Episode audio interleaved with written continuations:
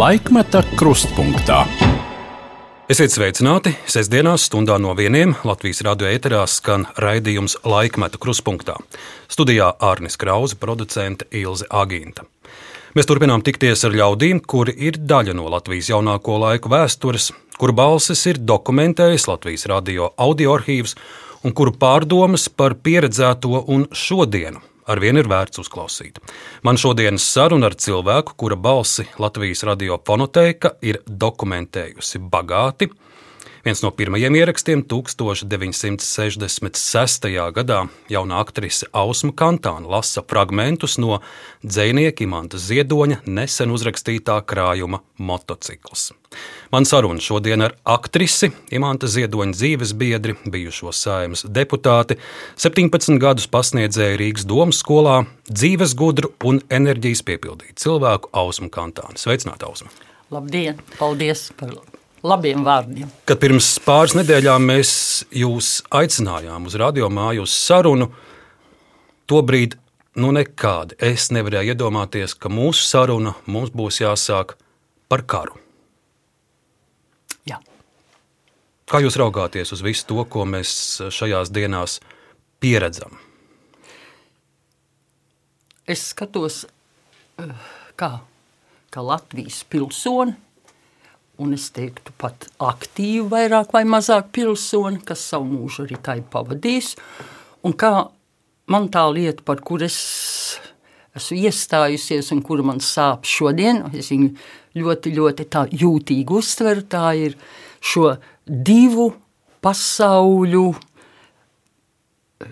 sadursme liela. Tas ir tas, ko es neapzinājusies vēl, kas tas ir pa lielumu šis demokrātisms, ko man iemācīja faktiski visā tādā apjausmā. Ir mūsu pre, eh, premjerministrs Krišāns eh, Kariņš, Krišāns Kariņš un autoritārisms. Un tagad šie divi spēki tikai nevairste uz mūsu zemes pamata, kā saka, kādreiz uz kādu pamatu, uz dāņu pamatu, uz mūsu pašu pamatu, bet visā valstiskajā atvērienā, valsts, valsts valstī, visa pasaules atvērienā.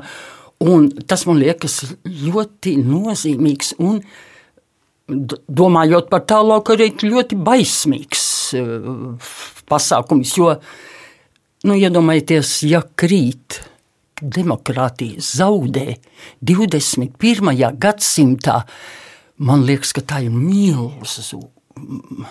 Nu, ne traģēdija, bet tas ir kaut kāds nu, absurds. Tas, tas, to nevar iedomāties, ka tas kaut kā, kaut kā tā varētu notikt. Es pilnīgi nepieļauju. Tad ar cilvēku kaut kas ļoti, ļoti nav kārtībā. Kādas ir jūsu domas tagad par Ukrāņiem, Ukrāņu tautu? Nu, es tagad palasu arī Delfs un viss, kā sievietes raud. Visas zaudē savus dēlus un vīrus. Un, un, un var redzēt, ka tas ir nervu kamols, viens, kas var pāris vārdus pār lūpām izteikt, un tās visas ir sāpīgas, raudošas. Un, un tad, ja visās šais bēdās var teikt, ka kaut kas iepriecina, te būs tāds liels paradoks, ka es dzirdu sievietes loma pasaules politikā. Viņa saka, bet mēs, sievietes, ja valdītu, mēs būtu žēlsirdīgākas, mēs būtu labāks, mēs nesteigtos tik akli, tik zemiski, tik vājprātīgi uz priekšu. Un tas man liekas, un zinot, ka visur pasaulē sāk valdīt prezidents. Un, Mm, varbūt tā ir tiešām arī kaut kāda izēja. Vismaz viena no iespējamībām noteikti. Un noteikti tas nebūs tik ārprātīgi zvērīgi. Noteikti ne. Jo viņi ir radītāji, un radītājs nav postītājs. Vai jūs to varējāt paredzēt, ka divas brāļu tautas, krievi un ukrāņi, vai, vai to varēja iedomāties, ka krievu tanki ies iekšā Kijavā?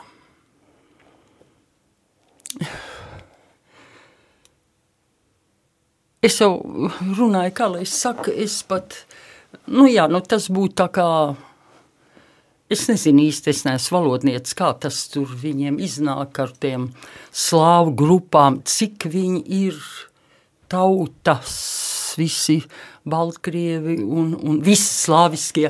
Es tiešām neesmu kompetenti, lai es varētu tā kādā ziņā te raksturot un apliecināt, bet uh, es vienmēr pārēju tām lietām, par cik es esmu, nu, kā mākslinieks, kā es tūlīt domāju, bet es pārvalku svītru, viņi visi ir cilvēki ir. Un, un pirmais princips man liekas, ka par dzīvību nu, nekas nevar būt svētāks un lielāks. Un pat uh, mūsu Rainis teica, tev um, um, augstākā ideja, tu, jā, augstākā ideja tā nepazīst cilvēka žēlumu. Un es šito raiņologiem teicu, un viņi teica, ausmā, esat mierīga, ir jau nolikvidēts šis. Nē, ideja nedrīkst būt lielāka par cilvēku dzīvību. Tādā gadījumā tev ir jākoriģē tava ideja. Bet nevis otrādi. Man te trīs cilvēki vienkārši piedod, man ir skaista ideja, bet trīs cilvēki man ir jāatņem. Viņiem jāatņem dzīvību. Nu, trīs, kas ir priekš skaistas idejas. Tā nemēdz būt. Tā nevar būt. Tad ar pasauli kaut kas nav kārtībā. Osmas kundze, tas, ko mēs šajās dienās pieredzam, ir arī milzīga pasaules solidaritāte un atbalsts Ukrāņiem, Ukrāņas tautai, un to mēs redzam arī Latvijā. Pat politiķi saimā, kur ikdienā strīdas jautājumā par Ukrāņu, nobalsoja vienbalsīgi. Nu, tur pāris nepiedalījās neskādiem iemeslu dēļ, bet tāda vienprātība reti pieredzama parlamentā. Arī ziedot LV dažu stundu laikā tūkstošiem un tūkstošiem eiro ripo iekšā katru stundu, lai palīdzētu Ukraiņiem. Jā. Nu, Druski jau pārsteidz man, bet arī priecināja. Ļoti priecināja. Tas jau tas ir tas faktiski lielākais, svētākais, un var piedot arī dažas kļūdas. Bet, ja tu tai kopumā, tai galā nonāca un ir, mēs esam sadavušies rokās, tas ir liela uzvara un liels. Un es par šo vienošanos, nu, mēs jau visi zinām, ka uh, latvieši nu, nu, nav tie paši draudzīgākie. Es jau gan vienmēr saku, ka tās ir tās vienas sētas, kas mums tā ir iemācījuši, kad manā sētā tā un es tā, nu tad tu tā, ā, un tad ir viena acīt palūd, o, viņam tur ir šitas, nu tad es tā arī uztaisīšu, lai man arī būtu. Un mēs... Um, nu, nesam tādu īstu, bet nu, mums jau tā vēsture ir, kāda viņi ir. Mums ir tik daudz gājuši pāris pāri par mūsu zemi, un no katra mēs esam iemācījušies, un varbūt ne tikai to labo, bet arī kaut ko netik labu.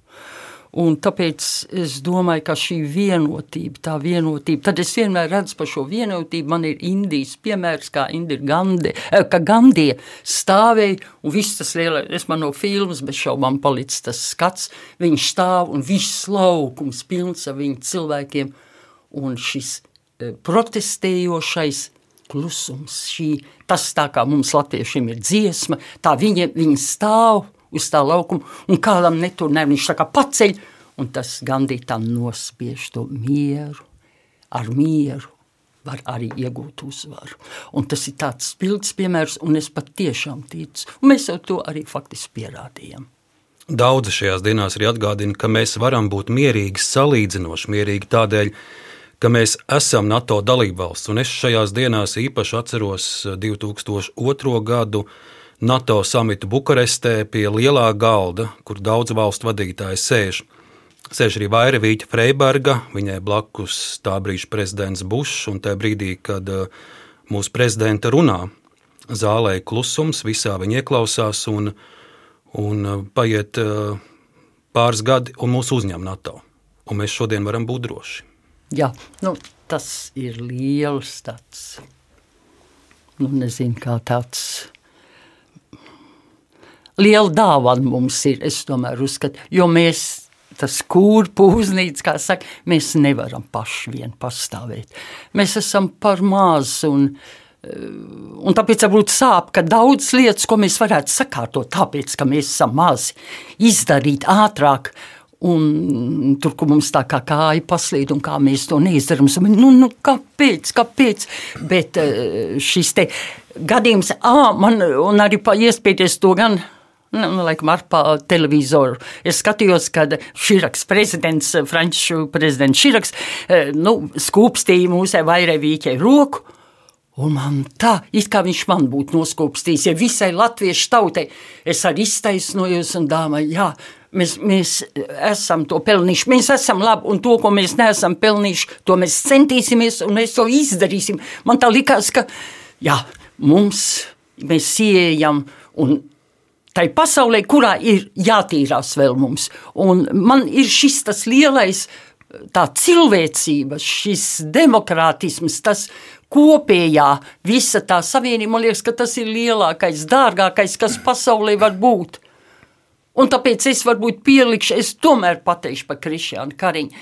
Es ar viņu biju partijā, un mums ievēlēja pirmajā jaunā laika deputātu, jaunā laikā mēs bijām 26. Un Krišāns vadīja sanāksmes. Un es domāju, ah, viņš no Amerikas, nu tā tad jau viņš mums tādu paraugu stundu demonstrēs, nu, kuri tā kā viņi dzimus apmēram tā, tā demokrātija. Un viņš patiešām, un es zinu, ka tas šodien notiek, viņš uzklausa visus, absolūti visus 26. Tad viņš pavelk svītru un iztaisa savu rezumē, atsakot savu, nu, visu kopējo, kā mums tas ir katrs, ko ir atzīmējis, vai pa vērtīgi, vai ne tik vērtīgi, un viņš taisīja tikai savu atbildi. Un, un tā šodien, un tad viņam pārmest, ka viņš nav uzklausījis, ja vienatni tā nemēdz būt, viņš tā nemaz nemāk darīt. Viņš tiešām nemāk. Un mums bija jāgatavojas uz katru sanāksmu, mums bija jāgatavojas. Vai es atceros Sīriju, kas tur bija? Ir kā suīti, sunīti, kurdi. Ak, Dievs, tagad kas viņam katrs ir? Es lasīju ar ence klopēdījām rokās, es skatījos, kā viņi tur, kur tas ir radusies, kur viņam to cilšu neic. Viņš piespieda tevi izglītoties un audzināt sevi, jo viņam interesē. Tu esi atnācis politikā, nu tad sāc, sāc strādāt, sāc mācīties, sāc meklēt. Runājot par Ukrainu, cik daudz jūs pazīstat Ukrāņu tautu. Jūs esat bijusi Ukrajinā, vai varbūt savulaik ar, ar Imantu kopā, vai ir bijuši kādi kontakti ar Ukrāņu māksliniekiem, literātiem? Jā. Es filmējos filmā Bērīgi Naģieždi, tā kā cerība krasts, bet eh, tur ir ārmīgi, es tikai zinu, Nu, lūk, tā man ir tā galva, kas nevar atcerēties viņam to nosaukumu. Viņš ar dzēnieks bija, un uh, man bija jārunā. Filmu runājām, tā kā es biju ārzemnieks, bet tomēr uh, ukraiņu valodā es tik atceros, bija tāds sidaiti pidvizu. Sidaiti pidvizu, jā. Tā, es, es runāju bišķiņ arī ukrainiski. Nu, jā, nu aizkustinoši. Tā ir liela tauta, nu liela, liela, liela tauta. Mēs zinām, kā tā vēsture bija, kā tur radās tā krīze. Nu, viss, kas kā tur ir. Negribu pieskārties, lai runā par to profesionāļi, bet mm, pret lielām, skaistām, cēlām, tādām svētām lietām ar godbību ir jāatnes un jāatnesas, kā saka, un, un, un tāda šī tauta ir. Un, un tāpēc man, kad viens gribošs kaut kāds ļaundars grib nodarīt postu vesai tautai, nu tā jau ir tā kā spieķos ielikts nu, kaut kāds koka gabals, kas apturēs atkal cik daudzus gadus atkal, lai izlabotu šīs kļūdas, un es tādu apzinātu ļaunumu, tam nav nekāda pamatojuma. Nekāda. Nu, man tā kā likās, ka mūsu 21. gadsimtā, ziniet, tā kā ar lāzeru vai ar ko vajadzētu iznīdēt šos cilvēkus, pat no attāluma vienkārši samazināt viņu valdīšanas kāri un, un uzmācības un, un ļaunumu kāri noplacināt, lai viņš apjauš kā.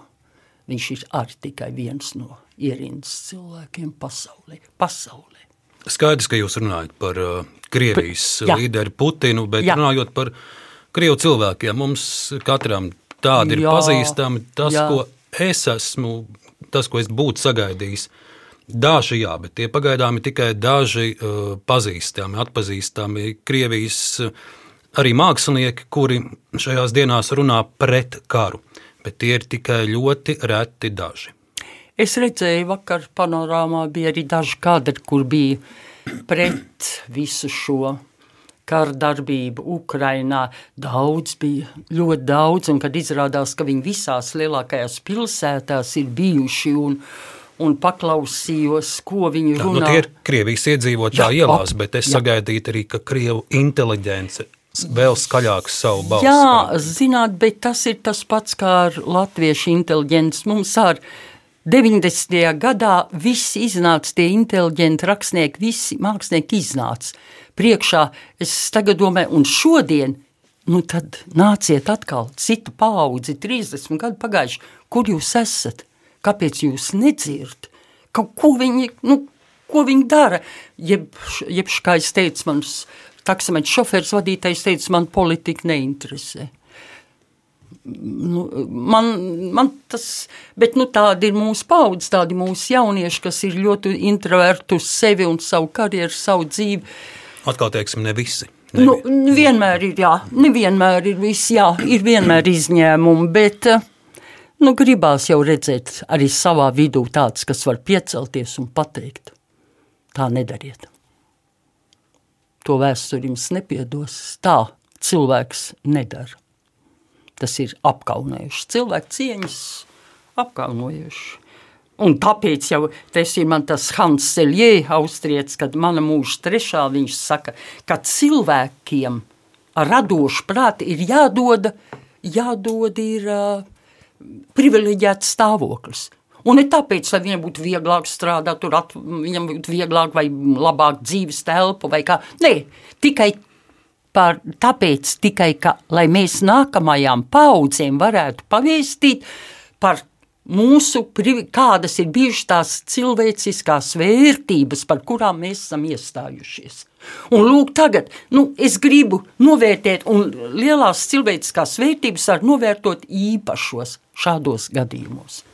Nu, vajadzētu kādam iznākt un pateikt tādu, ka mēs teicam, bet viņš 2002. gadā pateica šos vārdus. Pabeidzot par Ukrajinu, mēs, protams, nevaram paredzēt šobrīd, ar ko šis viss beigsies. Mēs redzam šos traģiskos kadrus no Ukrajinas ciemiemiem, no lielu pilsētu ielām. Kā jūsuprāt, šis viss mainīs eh, pasauli, mainīs mūsu ikdienu, mūsu kontaktus un sadzīvošanu ar lielu austrumu kaimiņu? Nu, skatoties, pirmkārt, kā tas beigsies, es domāju. Laikam jau ir iespējams viss neiedomājamākās iznākums. Var jau būt, ka vienā brīdī viņš apstājās, ka vienā brīdī Putins domā citādāk, iepšu viņam kāds pasaka priekšā, un viņš to uzklausa. Nezinu, viņa personība man, es neesmu novērojis viņā tādas īstas, lielas tādas cilvēku mīlestības vai cilvēku cieņas. Un, nu, tāpēc man tā īsti gaidīt lielu pārsteigumu viņa paša rīcībā un domāšanā diez vai to mēs piedzīvosim, bet um, nu, katrā ziņā parāda, ka visa pasaule apvienotos un parādītu tā eh, šai 21. gadsimtā cilvēks nevar uzvesties, nevar tā darīties, nevar tā, eh, tā tev kaut kādu lielu izolāciju. Es nezinu, vispār vajadzētu tādu mm, tādu klusējumu, ka vispār viņš tur ir un viņa nav. Un jūs zināt, ka tā ierobežošana, neievērošana sāp visvairāk. Kad tu stāvi tajā telpā un viss uzvedās, ka tevis nav šeit telpā. Tā kā tu it kā nebūtu.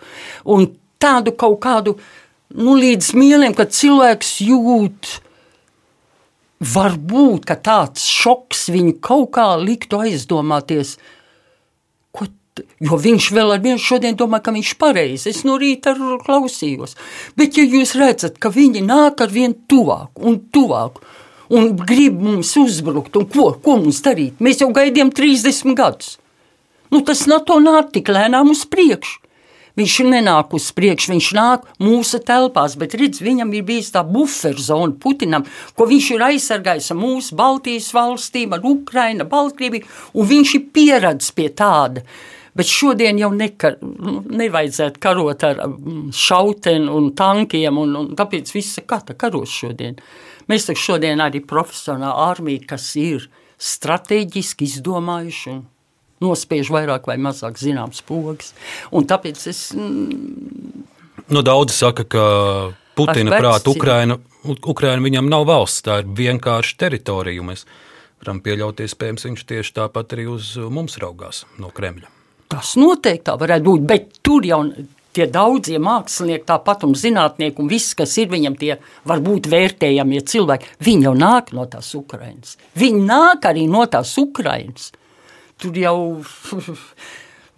Nu, es nezinu, žēl, ka es tā nevaru piemērt, bet es vakar vēl mēs tur runājām un skaitījām. Tā kā tas ir, nu, ka viņš nezina vai viņš nevērtē, tas, nu jā, sāpīgi, tas ir sāpīgi. Tas ir sāpīgi, ka 21. gadsimtā mums par to ir jārunā. Un tādā līmenī valsts vadības.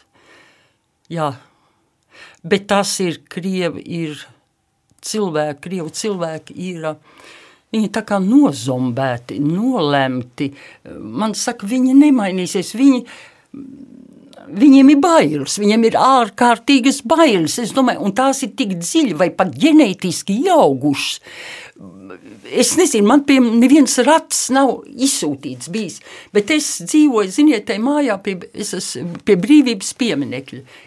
Es dzīvoju tajā VF mājā, ko tagad tas tas lielais biznesmenis uzcēla uz jumta, baumaņam, pieminiekļa arhitektūrai. Nu, tas vispār nav diskutējums, kas tur tajā mājā izdarīts. Bet es biju tad, 53. gadā, es tur dzīvoju, man bija desmit gadu, un nomira Staļins.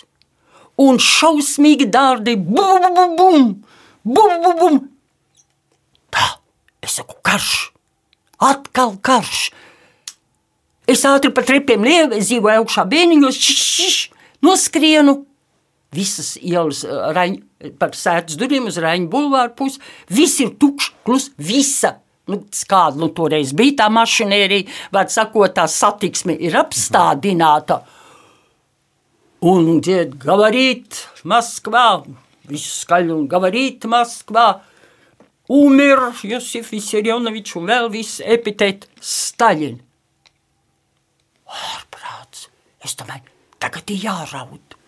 Ja viens redzēs bērnam, kuri zina, kas tās ir, es tāpēc attaisnoju tos krievu ļaudis visriņķī, kas ir tam Putinam, kā viņi ir nozombēti, ka tādas bailes bērnam, un ja tu neraudās, tagad tevi aizsūtīs, tevi ar kaut ko izdarīs, un man tas raudiens nenāk, un es tā uzspļauju uz roku un šitā velku no acīm šitādas strīpas un stāvja man teiks, kā es, es raudu, es raudu. Un es tagad atceros bērns, būdams, es rādu, ka es raudu. Un, ziniet, tas rādīt jau sauga ar īstenību. Tas ir vienam netēlo. Tev šis tēls, tā maska var pielikt tev, un tev būs ļoti grūti no viņas savā dzīvē atbrīvoties. Un man liekas, ka daudzi cilvēki tā dzīvo ar maskām. Viņiem vairs, viņi pazaudējuši sevi, savu būtību, savu identitāti. Un to es atceros, un tad es saprotu, bet viņi varbūt arī tāpat nozombēti. Viņiem arī ir, viņi iet jau kā pusdzīvi, viņi vairs nav. Ja kāds uh, Aitmātovs teica par tām uh, mankūtiem ka tev atņem atmiņu. Ja reiz jūs pieminat maskas, vēl viens temats, kur es vēlos dzirdēt jūsu pārdomas, jūsu skatu, un tas ir viss, kas šajos pēdējos divos gados ir saistīts ar pandēmiju, ar covidu, ar to, kā tas ir ietekmējis un mainījis mūsu sabiedrību. Mēs zinām no dažādiem piemēriem, tas ir pat sašķēlis ģimenes un tuvus draugus. Un bija garas cīņas, vai tāds covid vispār ir vai nav, un vajag, vajag maskas vilkt vai nevajag. Un, nu, mēs esam tūlīt sagaidīsim martu, kad uh, lielākā daļa ierobežojumu beigsies, un mēs jau varam pavērtēt, kā mūsu valdība, amatpersonas uh, šajos divos gados rīkojās un, un, un kā mūsu sabiedrība attiecās pret to visu. Nu, ja var jums arī ļoti personiski vaicāt, jūs Covid izbaudījāt arī personiski. Jā, es izslimoju ļoti vieglā, ļoti, ļoti vieglā formā, un, bet es saprotu lielo, varbūt vien, nu, vienu daļu, teiksim, tautas, ka viņi saka sabiedrības, ka, nu, Mani bail, man jau ir simts citas slimības, un tas provocēs, un man būs vēl smagāk. Un kurš tad kā beigās jau šis absurdais jautājums? Kas, kas ka man būs slikti? Kas par to atbildēs? Ka kādam kaut kas jāatbild, un tā kaut kā tādi jautājumi uzrādās. Bet eh, man atkal patīk, es esmu komandas cilvēks. Un ja viens mūsu komanda nolēma, mūsu valsts nolēma, ka mēs būsim ar tām maskām. Mēs iesim, lai mēs ātrāk tiktu šim sarežģījumam, šai nelaimētai procesam pāri. Tad man patīk, ka to dara. Es nevaru, ka tagad viens tā, otrs tā, bet ir, ir atvērta katrā slimnīcā speciāli eh, doktoru koncīlī, kas nospriež, ejiet tur. Ja jums ir bail, jums tiešām tā buķeti raiba, eh, varētu būt. Es, es saprotu, es arī biju ļoti nobijusies. Par es vakcīnām? Pil... Jā. Mhm. Man, es jau tā nedrīkst teikt, bet es nevienu vakcīnu tādu neesmu vispār saņēmis mūžā. Es nekad neesmu pret gripu, bet šī mani pārliecināja. Nu, mirst, un, un, un, un tā pirmā, tur taču viss bija tā delfa arī ka, ar plaušām un rāda, kas smog cilvēki. Nu, vai tad tev no tā nav bail? Vai tad, nu, jā, un tad man tā nepaklausība tas iziet un, Un kad ir atkal tādi cilvēki, politiķi, kas grib būt nākamie mūsu vadīt mūsu valsts, uzķert tos vājos un sienu buntīties, un tagad visus vēl mēs, redziet, te tie neticīgie, Un tie pareizie, jo gal galā nezinu jau, ko tas bacils vēl tur darīs, varbūt tu nekad nebūsi auglīga, vai tev pumpas un nieras tur sajirs iekšā, un neviens jau nezinu, un varbūt līdz galam arī simtprocentīgi arī nezinu. Varbūt pēc simt gadiem pateiks, jā, nu nebija īsti gudri tas, tā, tā, nu, mm -hmm. tādas hipotēzes mēs varam entās uzstādīt. Bet, un, un kā mūsu valsts, kā mūsu amatpersonas, jūsuprāt, ar šo visu tika vai tiek galā? Nu, es pieļauju, ka jūs premjeru Kariņu nekritizēsiet, bet es tomēr lūgtu arī ar kritisku skatu paraudzīties, kā šajos divos gados mums ir gājis. Nu, grūti gāja. Ļoti grūti gāja. Ļoti grūti gāja. Bija bet... arī kļūdas. Jā, es biju. Jā. Es zinu, tā kā es iegāju pastā, izstāvējis ārā. Es, es tagad teiktu, tur ir tāds ej, un tur ir tie galdiņi, kur ir tie lodziņi, un otrā pusē tāda maza uh, vitrīnīte ar nu, tur svecīts, papīriņš, kaut kāda vēl kaut kāda rakstām lietas, un es tur esmu, paņemšu to, to var man pieskaitiet. Ne, to nevar. Pa kreisi nevar, a pa labi var. A, tas bija tas laiks, kad bija tie preču ierobežojumi. Jā, jā. Tā bija muļķība. Ja? Tā bija muļķība. To, liela muļķība. Un tam man tādas dusmas. Es zvanīšu, zvanīšu Krišānam Kariņam un teikšu, vai viņa mājā nav neviena sieviešu cilvēka, vai padomniece man tur arī zinām, ka es, es zvanīšu un pateikšu, mīļā draudziņa, nu viņam nav jāatbild, viņš nav bijis droši vien pastā simts gadus, tagad ne viņam uz pasti jāiet, bet tu ej, nu tad pasaki, Krišān, ja ej pa to ej, ņem kas, ka tā malām ir, nevazājies tālāk, bet tā, ka, nu, un tas skaitina, un sevišķi, kas netic, ko te ievēlēt, tie ir atkal kārtējie muļķi. Ja nebūtu Krišjānis, Kariņš, tad šīs piecas, kā bija partijas, visām taču piedāvāja. Tagad ar Aldis Gopsens, jūs redzat, ko viņš, viņš saka, ja man dot, bet tev iedeva prezidents tev iedeva divas nedēļas, pat viņš vairāk, trīs vai nebija. Viņš provēja, nu neviens, viņam neviena ideja nav. Viņam nav ideja kā, bet viņam ir kā nevajag. Visiem ir, ne, šitā nevar, viss tā kā tagad dar, vārds sakot, nekā nevajag. Kādu vajag? Pirmā vieta Latvijai. Latvija pirmā vietā katram un katrai, un kas Šādus uzsaucienus var ēst. Latvija pirmā vietā, tas ir Šlesers atkal. À, Latvija pirmā, ne, kā viņa bija, arī bija kaut kas par, nu, es nevaru, viņš ir mainījis tos nosaukumus. Nu, mīļie draugi, sakombinēt, es varu iedomāties. Un, nu, politika pareizi, tā ir destaisīšana, tie kompromisi.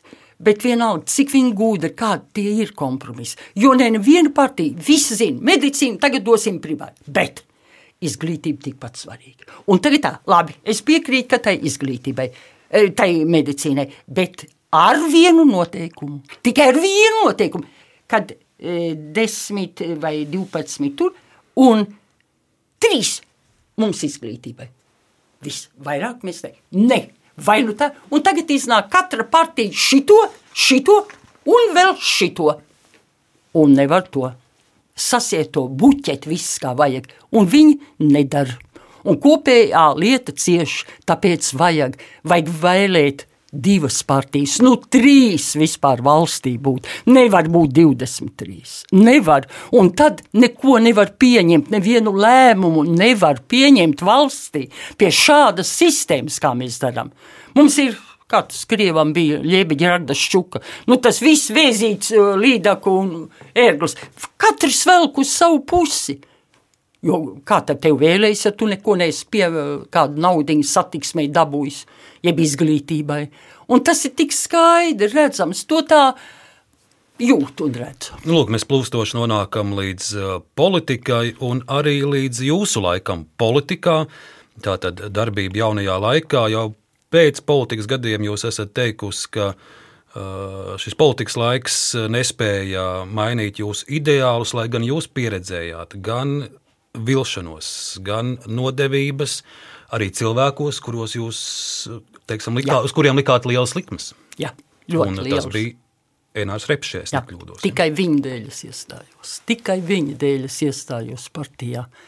Uh, es, jā, es tāds frešā tēva meita. Es esmu meklējis taisnību. Man, man vienmēr liekas, kāpēc cilvēks tā dara. Man vienmēr bijis interesanti, tāpēc arī ar psiholoģiju, ko es gribēju. 91. gadā es būtu, ja imantam vienas operācijas vietā nebūtu bijis četras, es būtu pārstudējis. Man jau viss bija, viss sarunāts, viss, viss. Caur es imantam paliku par šoferi. Viņš vairs nebrauc. Mēs lejšmalīt izbrauc, es izbraucu kā šoferis viņam. Un man, manas lietiņas atkrīt, atkrīt un atkrīt. Un tad es domāju, nē, es paskatīšos te politikā. Es viņu pazinu par cik imants bija eh, tajā Šenfelds, ko vadīja Ramona Umblī. Viņiem bija pie Latvijas bankas, bija naudas eh, mākslinieckā tāda zināma eh, komisija, kas veidoja tās naudiņas, aicināja mākslinieku, tur Blumbergs iesaistījās, un tur bija ļoti skaists tāds kolektīvs, kas veidoja, tāpēc mums tās naudiņas ir tik glītas un skaistas, tās piemiņas moments. Nu, viņi tur viss strādāja. Bet ļoti. pie tās politikas. Jā, pie tās politikas. Un tur es viņu iepazinu. Es te, te gribu teikt, tur es ieraudzīju to repši. Un es redzu, viņš ir mākslinieks, kā šitādas lietiņas. Tātad savā garā viņš ir mākslinieks, tas ir ļoti labi. Nu, nauda, nauda. Tā, lielākā nauda ir bankas vadītājiem. Tātad viņam uz naudu nekas nav vajadzīgs, un viņš ir taisnīgs. Tātad viss man liekas, ka nu, kas tur ir, tur jau godīgāks un godīgāks. Un es aizgāju, es noticēju. Es, nu, ko noticēju, es tā nevaru teikt, nu, viņš jau nav ne zaglis, ne blēdis. Bet, uh, kā mūsu prezi, esot prezidents, pirmais čaks, esot teicis tā, vai nu baņķieris vai politiķis. Bet abas lietas savienot nevar. Un te ir bišķi Enāram Repšem, ka viņš gribēja savienot šīs lietas. Viņš gribēja vadīt un domāja, ka netraucēs, ka viņš tur nopirka to. To kuģi, vai kas tas viņam bija, tā jahta, kaut, kaut kā tāda līdzīga, ka viņš, es teicu, ko viņš iedomājās. Un mums jau partijā daudz bija, redz, visi tomēr grib karjeru. Viņš domā, nu, viņš tur kād ies par ministri, ies tur tā. Un tad viss teica, Ausma, nu, tev nekā nevajag, es iegāju 60 gadu, ko tu, tu tur panāks? Papras viņam, vai viņš to tur tā darīja? Un es te teicu, man ir jautājums. Un viņš atkal pret mani atteicās tā kā tāds tēvs, Ausma, es tev pateikšu. Un viņš mums pateica visiem, un visi saka, nu redziet, ko jums vēl vajag pajautāt? Es pajautāšu viņam. Tas bija tā ļoti interesanti, un tāpēc, ka mēs tagad arī tā satiekamies, man tā, mm, jā, tā sāpīgi. Bet mēs bijām ideāli, un es domāju, ka mēs sabūs vismaz 30, 40 dabūsim. Ko jums šie politikas gadi ļāva ieraudzīt? Politikā, politikas aizskatuvē. Nu, nereti arī politika salīdzina ar politisko teātri, bet es piekrītu tiem, kuri saka, ka tas ir galīgi aplams salīdzinājums, jo īstais teātris tas ir eh, smags un grūts darbs. Un tā īstajā teātrī aktieriem ir, jā. tās ir garas mēģinājuma stundas, lai sagatavotos lomai. Tās ir nedēļas un mēneši. Un, un, un, un politiskais teātris ir kaut kas daudz, varbūt pat paviršāks bieži vien. Bez šaubām. Jūs Bez pieredzējāt šaubām. abus teātrus. Jā, Nu, jā, nu, naivums jau man bija. Es tā domāju, ka apmēram purināšu to cilvēku, kamēr es no viņa izpurināšu ārā to taisnību. Es vienkārši iekšā bezskaunīgi purināšu, un es arī tā darīju. Un tad cilvēks smējās. Slakters no tautas partijas atslakters, kad mūsu gāja runāt. Es pateicu, nu, viņš nāca nost un es gāju, viņš jau beigās bēga no manis. Es teicu, jūs atkal runājāt to, ko jūs nedomājat. Nē, nē, nē nu ko aus kā. Vi... Un es tikai, nē, jūs tā nedomājat pēc būtības, ko jūs tagad pateicāt. Un viņi ļoti nērti jutās. Es Krišāni, uh, Krišāni Peteru, es šitā purināju, zālē purināju. Fiziski. Fiziski, fiziski es uzvedos. Es tā kā tas kaimiņš, gaifa, tā es viņu fiziski. Es teicu, tā, vai tev no tēva, nebū, tev būs no tēva kauns, ko tu dari, Krišāļi, viņš jau visu šles ar partijā. Es jau varētu daudz stāstīt, bet nav tas laiks vēl pienācis. Nav tas laiks. Bet tā purnējuma vakarā, nu, tēvs man saka, Ausma, ko tu dari? Kas tu nezini? Es saku, nezināju. Nezināju, ka tik traki ir. Es zināju, ka spo, spī, spod, spīdoši nav, bet ka tik traki es arī nedomāju. Es gatavojoties mūsu sarunai, esmu izlasījis gandrīz visas jūsu saimas runas, pārskatījis visas Ai. stenogrammas un, un par to purināšanu no saimas tribīnas, taisnības purināšanu. Nu, vienu fragmentu es piedāvāju noklausīties, tas ir 2003. gada 28. februāra saimas sēde, saimas deputāti apspriež valsts budžetu. Tribīnē deputāta Ausma Ziedona Kantāne. Vai dieniņa? Deputāta Ausma Ziedona Kantāne. Cienījamā priekšsēdētāja un godājamie ministri un deputāti.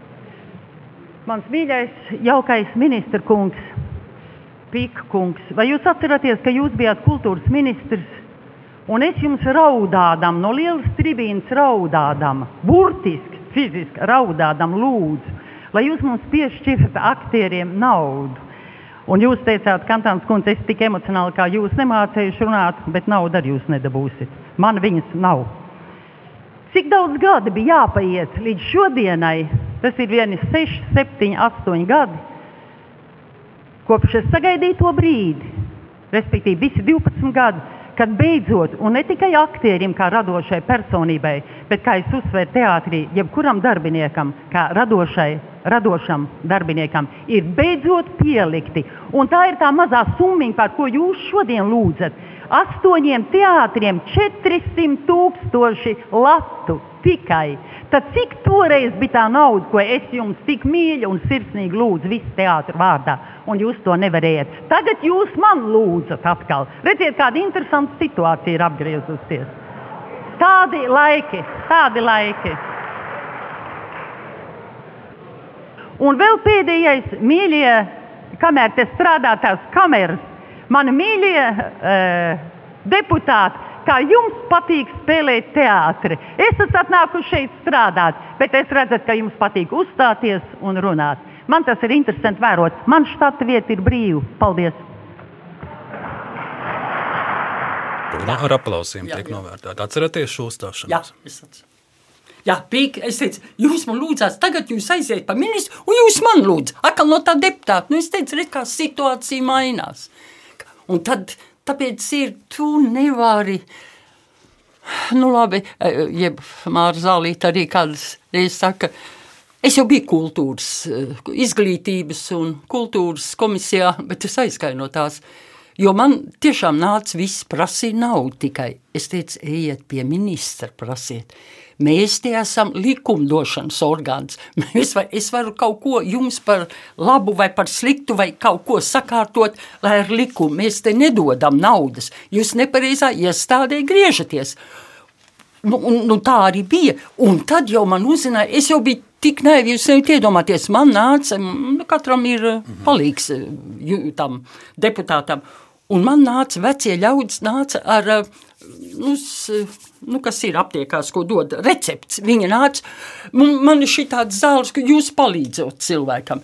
Un es jau man tā kā mamma slimoja, mans tik daudz slimoja. Es zināju, ka, ā, ka spiedienam zāles, iedomājieties, ko es darīju. Es ņēmu Ah, pret spiedienu. Jā, spiedienam var tas var beigt, beigties baisi. Es saku, tas ir nopietni. Šī, šī zāle es jums atmaksāšu. Kas jums tur vēl ir? Es koriģēju. Nē, tas pār, nē, viss es nevaru jums. Šīs divas zālītes es atmaksāšu, un tās pārējie. Un tad es beigās man teicu, Ausma, tev gaida jau trīs, četri cilvēki lejā. Es teicu, nu, saka, manas nav, es, es vairs nevarēju glābties. Man visi zināja, ka kantāni dod kaut kādas naudīgas. No savas naudas es maksāju. Man bija tik šausmīgi žēl to cilvēku. Nu, nu, nu, jā, nu, tas jau ir aplam un nepareizi. Un, bet, nu, jā, es izgāju arī šai saimā visādus etapus. Un līdz purināšanai beidzot es purināju un kraptīju, un, un, un Inesēju Šleserējas lūdzu, kad pieņēma, ka eh, bērniņam līdz pusotra gadam tagad palielināja. Manā laikā pieņēma pirmajā lasījumā, un tagad tikai nu, pagājušajā gadā, kur divus, trīs gadus tikai pieņēma. Iedomājieties, cik tas likums ir ilgi gulējis tajā saimā. Un tur ir tas paradoks, ka tie likumi ienes un viņi jau guļ atvilknēs. Un tad, tā, kad ietās, es iegāju sociālo un darba lietu komisijā, un tad, un Teiksim, ko es varu atklāt? Jūs zināt, cik pa pensiju ir uh, alimentos jāmaksā, cik miljonus? Nu, ir 50 miljonu valsts maksā uh, tiem cilvēkiem, kas nemaksā par saviem bērniem. 50 miljonus, manā laikā bija 40. Jūs kaut ko tādu varat iedomāties, kur mūsu nauda paliek. Kandāns kundze, šis ir saimnes vēlēšana gads. Kāda jūs paredzat Latvijas politiku rudenī, kad mainīsies saima? Mums atkal ir jācenšas nedaudz norobežoties no tā, ka jums ir labas attiecības ar, ar premjeru Kariņu, bet mēģināsim ne, neitrāli palūkoties, kādu jūs redzat 14. saimu. Man jau ir baisi, man ir baisi, godīgi teikšu. Nu, tiešām Gobzeba kungs un, un, un Šleser kungs. Es, nu, Gobzem kungu, es varu saprast. Man tur ir savas likumības un tas var. Es viņu tā kā, ziniet, eh, kaut kā tā. Es drīzāk uz Putinu viņu vilku, lai visi gan domā, ka otrādi ir. Bet man liekas, tā ir tāda viena tā domāšana, un tur viņi kūņājās. Es to saprotu. Ja ir tāds cilvēks, tad viņš tā kūņājas. Tāda viņam ir laika apkārt kompānija. Bet par Šleseru es. Uh, man ir ļoti gudri, un, un cilvēki, saka, bet viņš ir darītājs. Viņu nu, noņem no to, ko viņš paņēma, nozaga. Nu, neskaties to, bet viņš ir darītājs. Un es domāju, kā, kā tāds priekšstats ir, kāpēc ir veidojis, redziet, man pie katra man ir tās lielās cilvēciskās vērtības, ko es vērtēju, ko viņi redz viņā, ka te kaut kas ir, ko varētu izmantot. Nu, bet, ja darītājs, tad jau labi. Nu, jā, tā, tā jau iznāk, ka bet mums par ko jūs to... uztraukums tad? Nu, nav godīgs darītājs. Nav godīgs. Man ir gudrs un godīgs. Tie ir mani divi skaistākie vārdi. Vai tiešām nevar būt gudrs un arī godīgs cilvēks? Vai tā ir utopija, ko es gribētu ieraudzīt savā valstī vispirms, un tad visiem, visur citos? Nu, tā vajadzētu tādu meklēt. Ne tikai skolot, kā emo, emocionālā inteligencē saku, ne tikai to galvu skolot, bet sirdi skolot. Skolojiet sirdi. Tā būs vēl vairāk vajadzīga nākamajos laikos nekā tā galva. Galva strādā, IT, viss. Šī tehnoloģija ir, bet sirds klibo. Un tad ir iznāk aplams visādas rīcības, diemžēl.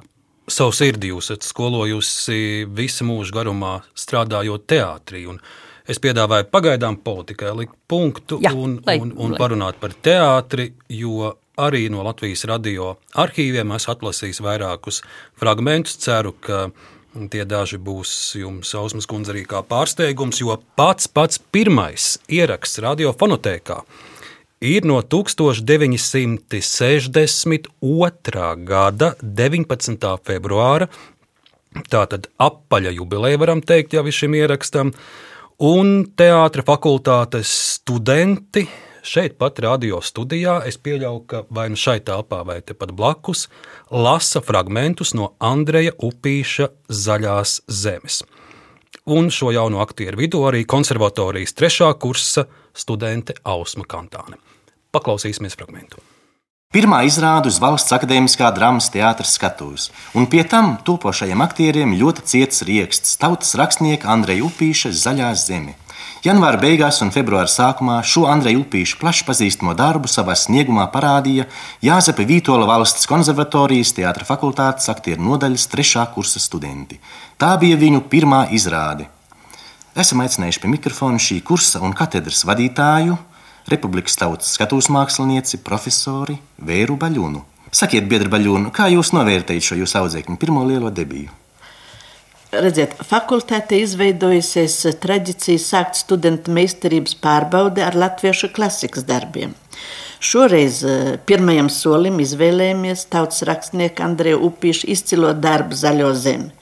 Šis lielais un populārais darbs prasa dziļu laikmetu un tēlu izpratni.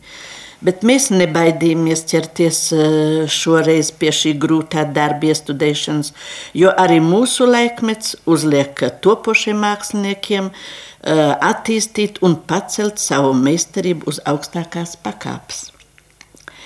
Šīs prasības sevišķi noskanēja no partijas 22. kongresa augstās tribīnes, kas saviļņoja katru mākslas darbinieku sirdi un prātus. Andreja Upīša Zaļo zemi iestudēja mūsu izcilais režisors, PSRS, tautas mākslinieks, profesors Alfreds Antmans Briedīts, režisors Julijas Bebrišs un skatuves runas pasniedzēja docenta Olga Bormana. Katedra šo darbu novērtēja ļoti atzinīgi, jo studentiem izdevās uz šīs lielās un visvecākās latviešu teātras skatuves atsekt un parādīt Andreju Upīšu zaļā zemes tēlu patiesos pārdzīvojumus un viņu domas. Un tagad paklausīsimies divus fragmentus no Teātras fakultātes aktieru nodaļas trešā kursa studentu diplomdarba pirmās izrādes. Brīviņu kalpones Lienes un Zarēnu Kārļa dialogs. Lieni tēlo Ausma Kantāne, Zarēnu Kārli Mārtiņš Švērdiņš. Sveiki! Sveiki! Es jau tevi gribēju satikt klidziņā, tirgū, Man jau nekā nevajadzēja, spolīta balta diega to man mazais Andrs nopirka. Nu jā, nav jau arī nekā. Cer kā lopi pa ielu nevar paiet garām. Kas nu dīvājiešu nepazīst? Tagad jau iet pavisam traki. Brīviņš ar saviem puišiem, rīnieks ar saviem. Tagad jau šnabis un alus plūst pa visiem krogiem. Tā jau tas ies līdz pašām vēlēšanām. Beigas jau laikam tam rīniekam būs. Breimans jau viņu lamā no panskām ārā. Gruntnieki plēšas tā kā sveši kaķi, jo visiem tā goda gribas. Es atnācu tev pateikt, Tev nav jāsaka, es zinu visu. Tad tev nu būs kāsas. Ausmas kundze, 60 gadi, nu pat ir apritējuši 60 gadi kopš šī ieraksta. Jā, man, man, man vienmēr ir uh, klausoties sev kauns. Es nezinu, Par ko? kaut- Par Vai, ko? ne, ne, ne, ne, Es akurāt gribēju teikt, ka balss vispār nav mainījusies. Ne? Nē. Ai, dieniņ, vai dieniņ, jā, nu, jā. mm, Tie ir grūti paši sākumi. Paši jā. sākumi. Jā, jā. Nu, pārliecinošāk jau bija tas saimā tas dialogs. Nekā tās, jā, nē, nu skaisti, skaisti, atmiņas sevi skaistas, jā. Tā, cilvēks, tā, uh, à, tas ir, ziniet, kā, ko es pieskāros, ja, nē, mēs nerunājam par šo tēmu, kā cilvēks no unikālas indivi, individualitātes to par unikālu personību. Tā ir Rudolf Steiners, vairāk vārds sakot, i- bērniem, es teicu, skolniekiem saviem klasē. Unikāla individualitāte ir tas, kas ir šīs līnijas. Tu vari iet pa ielu un rādīt, jo šodien, o, mums Ausma teica, ka mēs esam unikāli, jo otra tāda pasaulē nav, mēs esam tādi. Es saku, bet, tā kā mēs jau man viss ir, ziniet, kā godnācens, bet unikāla personība. Tas ir tad, kad tu nezināšanas tavs, bet tu, tas ir tas, ka to sirdi, to dvēseli, ka tu esi, ka tu esi to cilvēcisko līniju sevi izkops, kas ir ļoti smagu darbu. Tas tā kā dimantu ļoti spodrināt, lai viņš mirdz kā briljants. Un tad tu uzej uz telpā, un tu saki, oh, Nu, Dieva cilvēks. Jeb kā uh, mācītājs viens teica, Dievs sevi dara ieraugāmu. Lielos talantos tu skaties, jā, nu te ir Dievs stāvēs klāt. Šito normāli cilvēks nevar apgūt. Tas tam iemācāms pat vispār. Un, ja runājam par unikālām personībām, 60. gadu vidū Ausma Kantāna sastopa dzinieku Imantu Ziedoni. Un Latvijas radiofonotēkā 1966. gadā top raidījums Lirikas pusstunda, Imanta Ziedoņa dzēja, lasa Tālvalds Aboliņš un Ausma Kantāne. Jā, paklausīsimies! Puikas, šis brauciens būs tāls un traks. Stūre trīc manās rokās.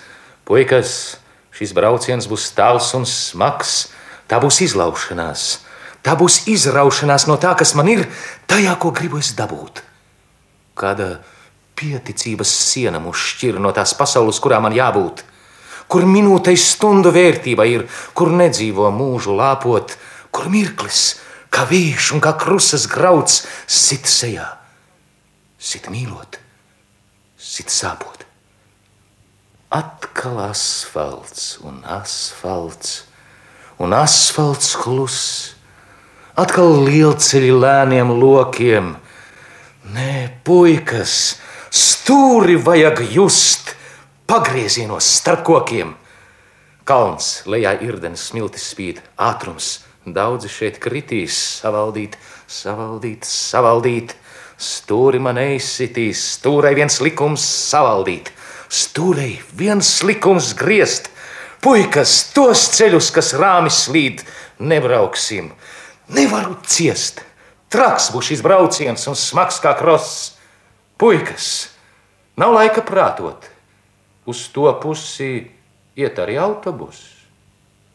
Puikas, nu kā tad?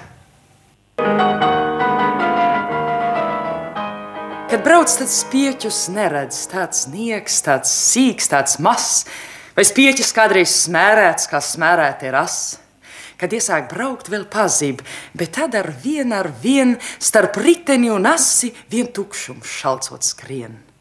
Viss labi, spieķi visi, bet pagadās ceļš slikts, un vienu spieķi izsit, jauns netiek vietā likts, un pirmais otru mežģī, un drīz jau trešais klamst, un pietrūks spieķu režģī viens spēka decigrams. Kļūst pieķu vietas retas, viss izļogās kaut kā. Tiec ļaudis tam jau metas. Tu paliec pusceļā. Ir spieķi vienlīdz stievi, viens ceļš un viens smilts, bet viens ir stingrāk pievilkts un otrs nepievilkts. Dažs ir līdz pēdīgajam, kā stīga noskrūvēts. Dažs spieķu rindā šajā ir tikai skata pēc. Kad ritenis jau valstās, tad tikai īsti redz. Tas rats uz spieķiem balstās, ar spieķiem nocentrēts.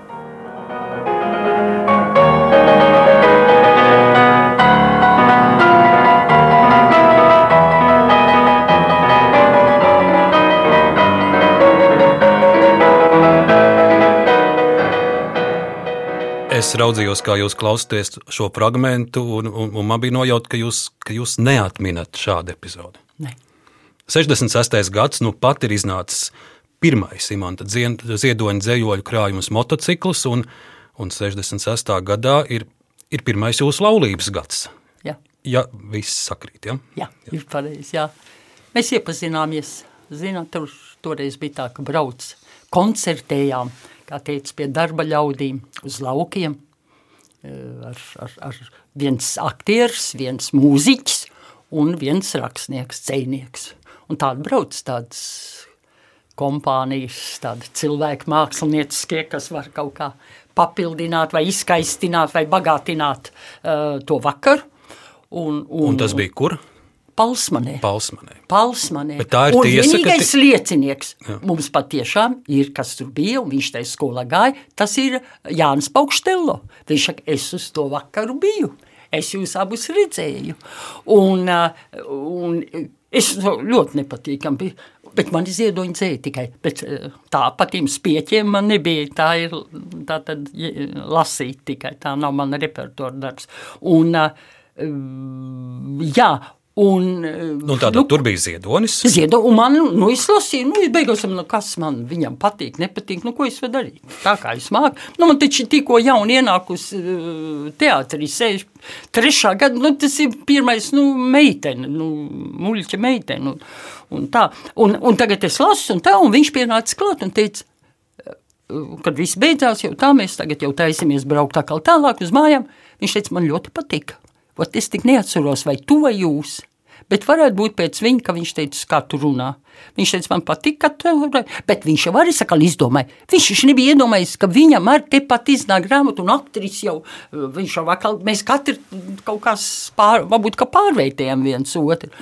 Un uh, viņš teica, bet man patīk, ko jūs gribat, lai es par to jums um, nu, uzaicinu uz kafejnīcu vai ar motociklu izvizinu? Nu, tie gadi es meiteni bija. Es teicu, ar motociklu es gribu.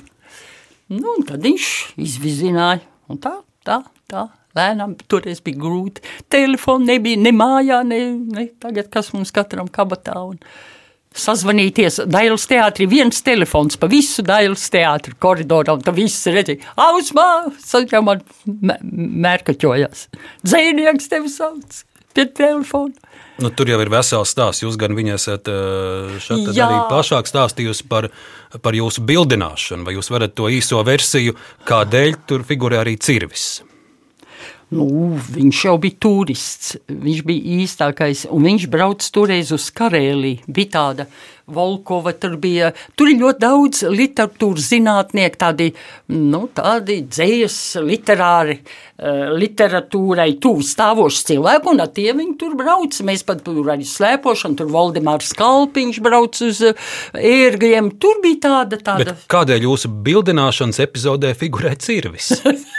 Viņam bija tāds turisms, cirvīts. Turpat bija vai šitas mednis, vai kas ir šis te tur tāds dekoratīvs, tāds tā kā zelta, zelta, bet tāds īstais cirvīts turismu. Nu, viņš ienāca augšā. Pie jūsu vecākiem? Pie, jā, un e, paņēma to cirvi. Un neko viņš neteica. Viņš saka, nu kā tā viņš tā bija. Neko, nu kā durvīm ir tās bēģeles un viss tā. Un viņš paņēma iecīra to cirvi augšā. Tajā augšā virs durvīm, tajā stenderī. Tā ka no visa spēka. Visa, viņš palika, tā viņš arī palika karētos. Nevien, mēs neko, es aizgāju no tās mājas, un tas cirvis tur palika. Neviens neizņēma. Tas nebija nemaz izņemami. Viņš bija laikam ļoti, ļoti ass, kā viņi teica. Viņš iecirta tajā, tajā, tajā, un visas. Un ar kādiem Šokā. vārdiem viņš to darīja? Ne, tos es neatceros, bet es domāju, ka viņš daudz neko. Viņš. Um, nu, Bet tas bija tas bildināšanas Jā, brīdis. tas bija tas, jā. Jo, nu, zināt, kā dzinieks, viņš jau lieka vārdus nemētās. Viņš, tā viņš man sūtīja visādas dzējas rindas, un kā viņš, ir- viņš ielika tur tā, viņam tā, pat nē, viņš tā, viņš nevar darīt šabloniski, kā visi dara, tā arī viņš nedarīs, un, un kaut ko jau viņš teica, bet es neatceros, nekas man liekas tik nozīmīgs, lai tikai tad viņš gan pateica, ka vēlāk viņš rakstīja par to uh, Palsmanē, tad viņš teica, es ieraudzīju bez kaut kādiem iekārieniem vai gribēšanu dabūt vai sasniegt vai panākt, vai es vienkārši redzēju, ka mēs esam, a, ka mēs esam divi un abi. Ka te ir abi, ka te ir tas kaut kāds, nu, bilde ir, kas ir gatava, te ir viens kaut kas gatavs. Vēl viens audio fragments no Latvijas radio skaņu arhīva 1975. gada februāris. Līvijas akurāters raidījums aktrises Ausmas Kantānas Dairade. Fragments. Neiespējami aptvert bezgalību laikā un telpā. Svarīgi saprast dzīvot gribu savā īsajā elpā. Svarīgi saprast, ka tas, ko ceļam, tas stāvs, tas nojums, ir mūsu mūžam, mūsu ceļam vienīgais attaisnojums.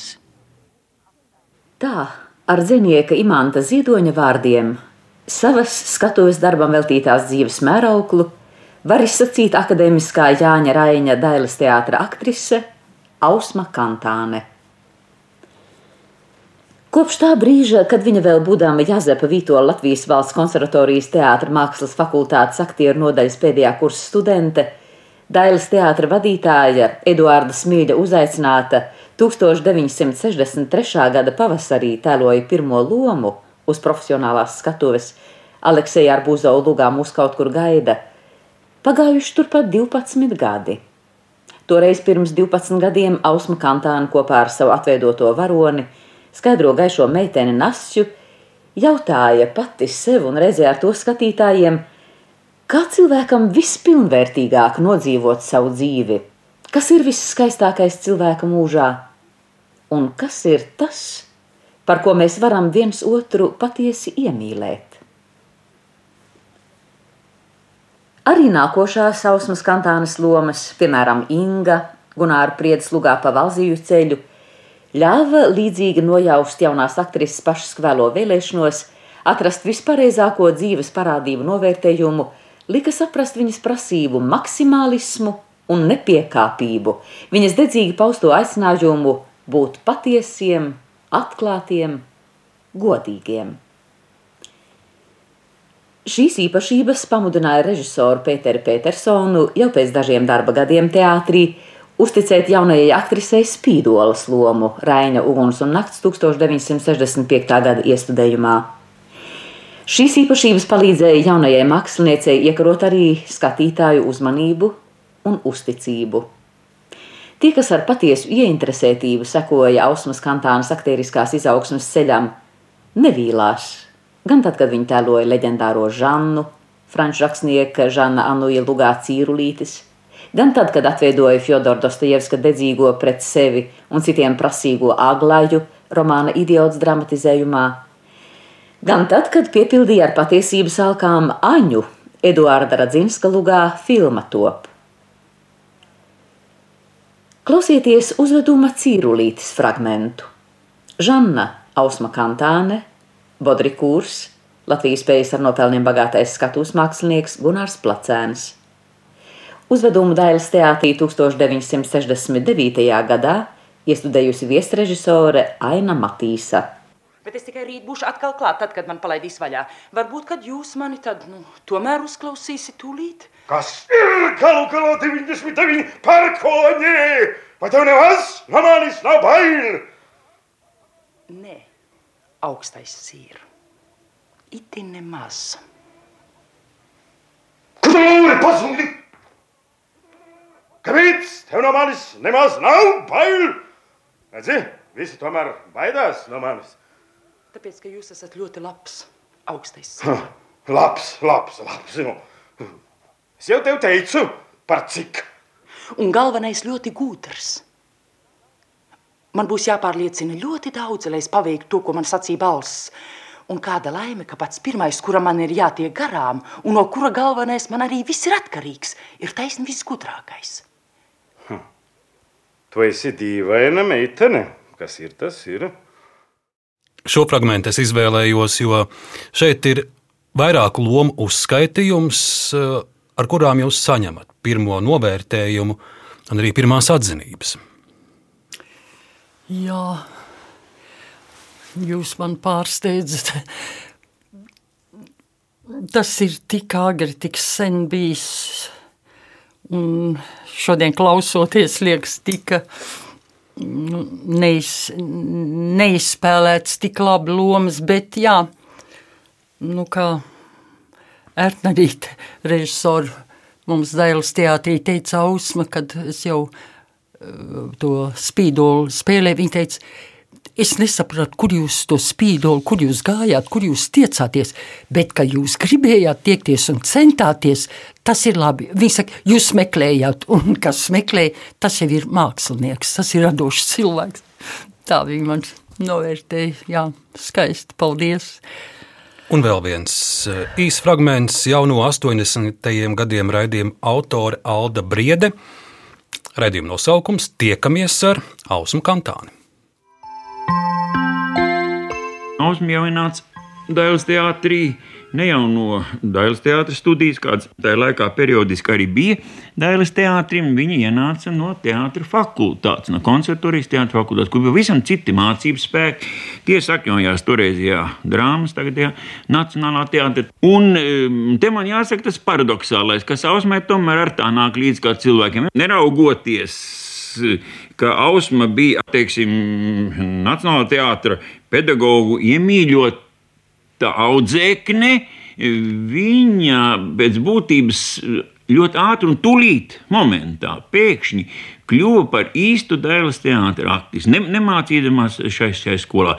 No tā es secinu, ka būt dailnieciskam, ko mēs tā bieži lietojam, ka tā patiesībā nav skolā iemācāma īpašība. Tas, tas laikam ir pašā cilvēkā, tāpat kā talants. Tas vai nu ir, vai nav.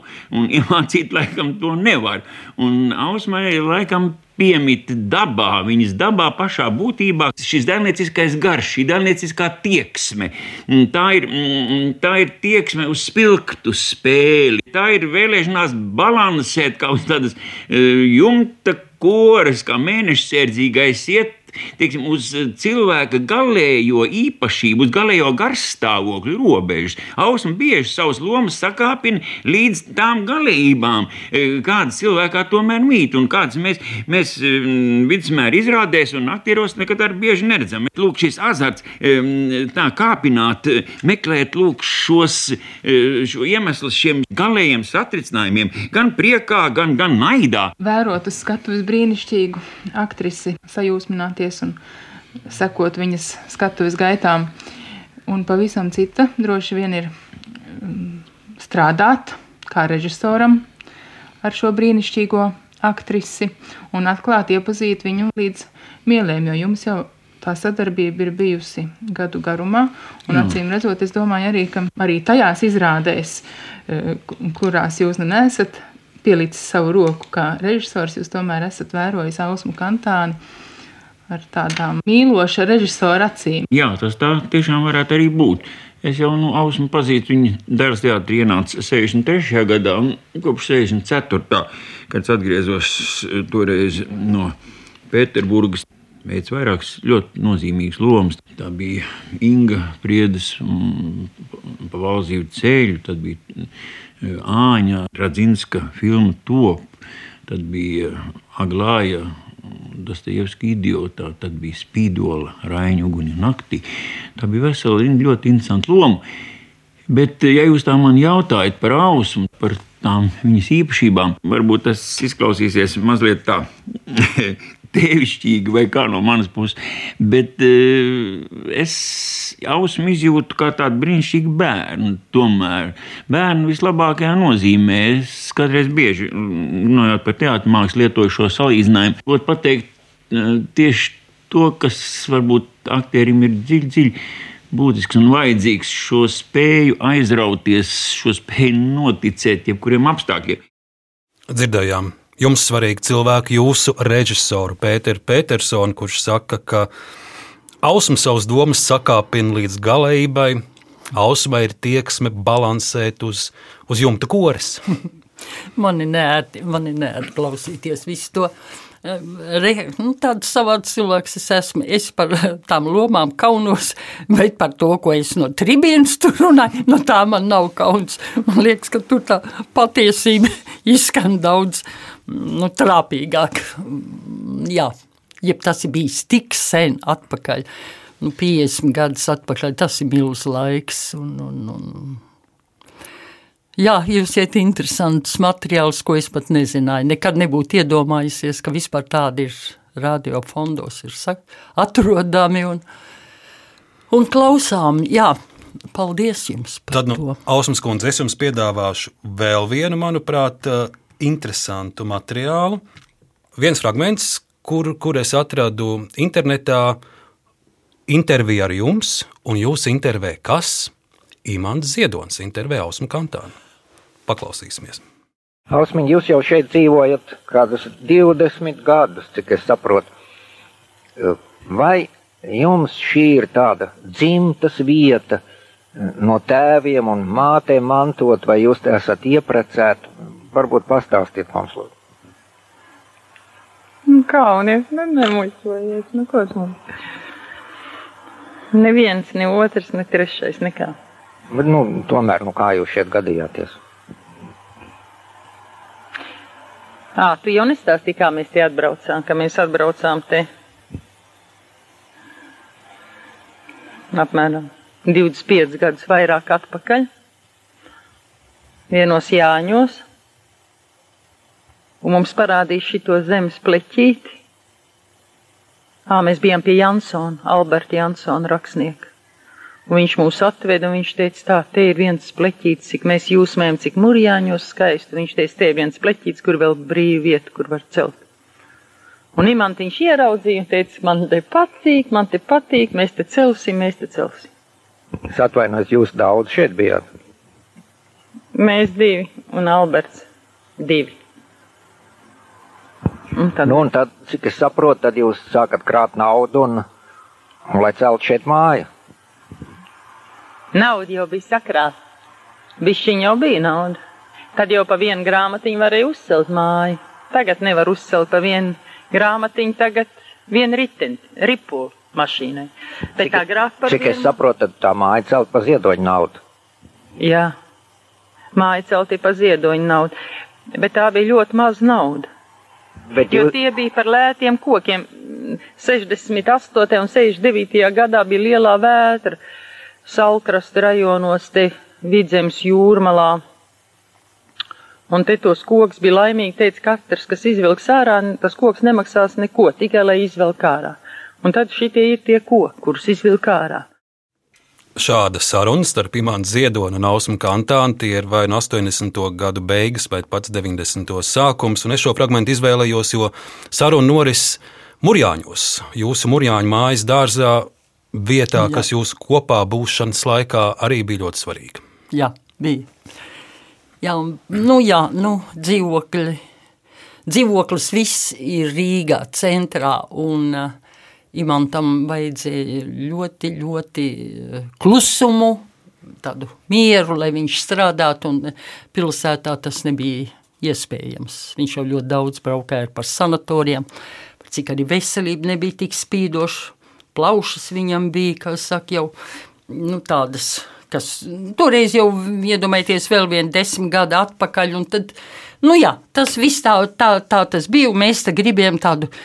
Viss tas, kas nav pilsētā, nekādi ķieģeļi, cementi, ne stikli, bet koka īstie, koka baļķi, un tā arī bija īstiem koku baļķiem un, un no imanta uh, dzimtās mājas ragacījumā ezera, Kaņēra ezerā uh, niedrs augu.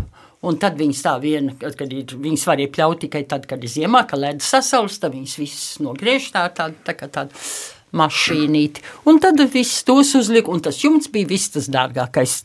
Citādi jau tā māja tiešām, jo koku materiāls nemaksāja neko. Tikai vēl- meistars. Un vēl viens fragments no interneta. Internets ir saglabājis uh, interviju ar Imants Ziedoni. Tā ir mana pirmā un vienīgā intervija, un pirmā un vienīgā reize, kad es dzīvē sastapu Imants Ziedoni. Tas ir 2001. gads, kad es kopā ar tā laika savu panorāmas kolēģi Artu Andersonu viesojos jūsu mājā. Un, un šo sarunu es vēl šobrīd ļoti spilgti atceros, un arī jūsu abu kopīgo tandēmu. Imants sāk teikumu, Ausma pabeidz, Imants kādu domu iesāk, Ausma pabeidz, Ausma nemitīgi ir blakus, vai nu piekārto dziniekam krāklāpkaklīti, vai nu sagādā tējas krūzijā, un to, to, to tandēmu man bija toreiz interesanti vērot. Un, un, un tā intervijas iemesls ir tāds, ka dziniekam valdība pasniedz kādu atzinību, un lūk, kāda bija viņa pirmā reakcija, komentējot šo ziņu, mazs fragments. Man pēdējā laikā pazūda brilles uz vecumu, un, uh, un kad šī balva nāk tieši laikā, brilles ir diezgan dārgas. Un, un tagad es skatos, kā Pauls skatās pāri tam skaist, skaistu rāmju brillēm, lūr pāri un tās labā tādā stilā, labā pozā, un Sončikam ir skaistas brilles, un vēl vienam otram deputātam. Un, uh, man liekas, ka prēmija ir, nav visai liela, bet tieši tik liela, lai, lai varētu kārtīgas brilles nopirkt un arī rezervēt, tad, kad viņas pazūd. Vēl rezerves brilles. Tā kā es esmu priecīgs par katru naudu, ko, ko, ko, ko, ko, es, ko, es, ko ļaudis un tauta atzīst, ka es esmu nopelnījis. Šāds fragments no šīs vēl ir laiks, kad Imants Ziedonis vēl ir pie gan labas veselības, un ar Jā. te mēs dzirdam viņa arī Jā. lielisko humoru. Jā, jā, tas viņam piemīt. Jā. Bet arī diezgan stiprs, ja vajadzēja humors. Viņam bija trāpīgs vārds, viņam bija vienmēr pie laikā un, un vietā. Mīlēja. Viņam tā reālā dzīve likās ļoti, ļoti garlaicīga un, un, un, un tā viņa nevilināja. Ļoti grūti bija, ka gājām ciemos, nu, pie radiem sevišķi, kad bija nu, kaut, kā, kaut kāds jāapsveic vai kaut kāds nu, notikums, kur vajadzētu kaut kā apciemot un, un piedalīties. Viņš vienmēr tā pasēdēja, piecas minūtes tā Zulīt, nu, lai izskatītos labi, un tad aizgāja kaut vai sētā, aizgāja, nogulās zem Jāņo krūmu, un sevišķi, ka kaut kur ciemos aizgājām, nu tālāk uz laukiem, ka braukājam pa kurzemīt vai kā, un tad tās sievas, tās saimnieces nesa, ai, dzēnieks ir nogurs, un tā nesa ātri, ātri viņam ārā zem tās Jāņo krūmu, nu, kādu, tā, kaut kādu cienast, vai kādu sieru, vai kādu maizi gabaliņu tur izcept, vai nu tā pienes viņam pilnīgi klāt un nolikt blakus.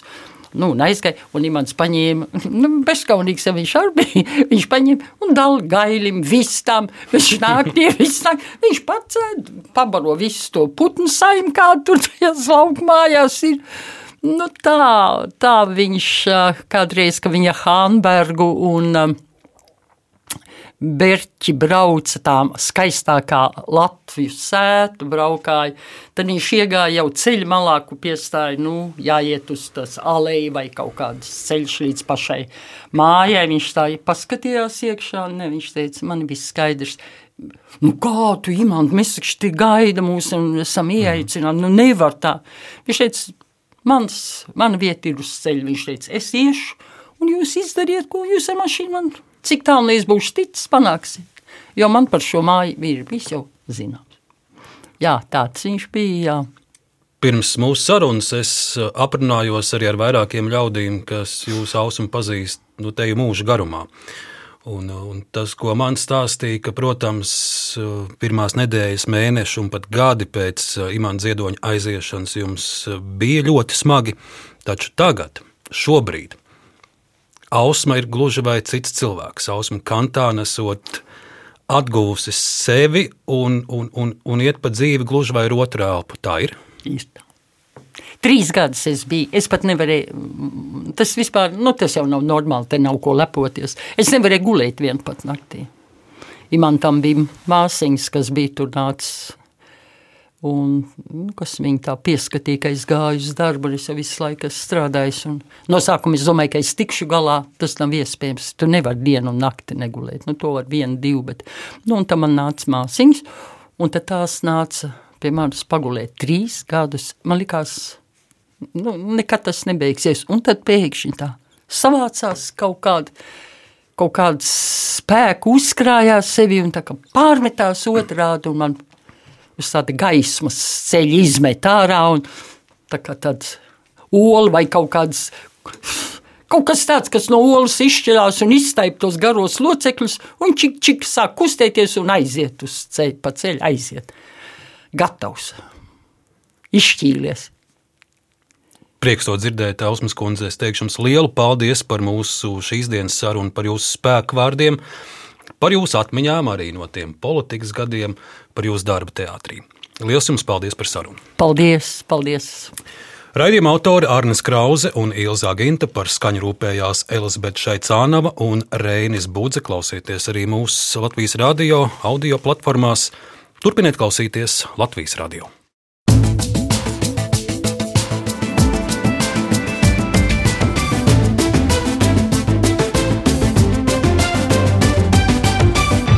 Laikmeta krustpunktā.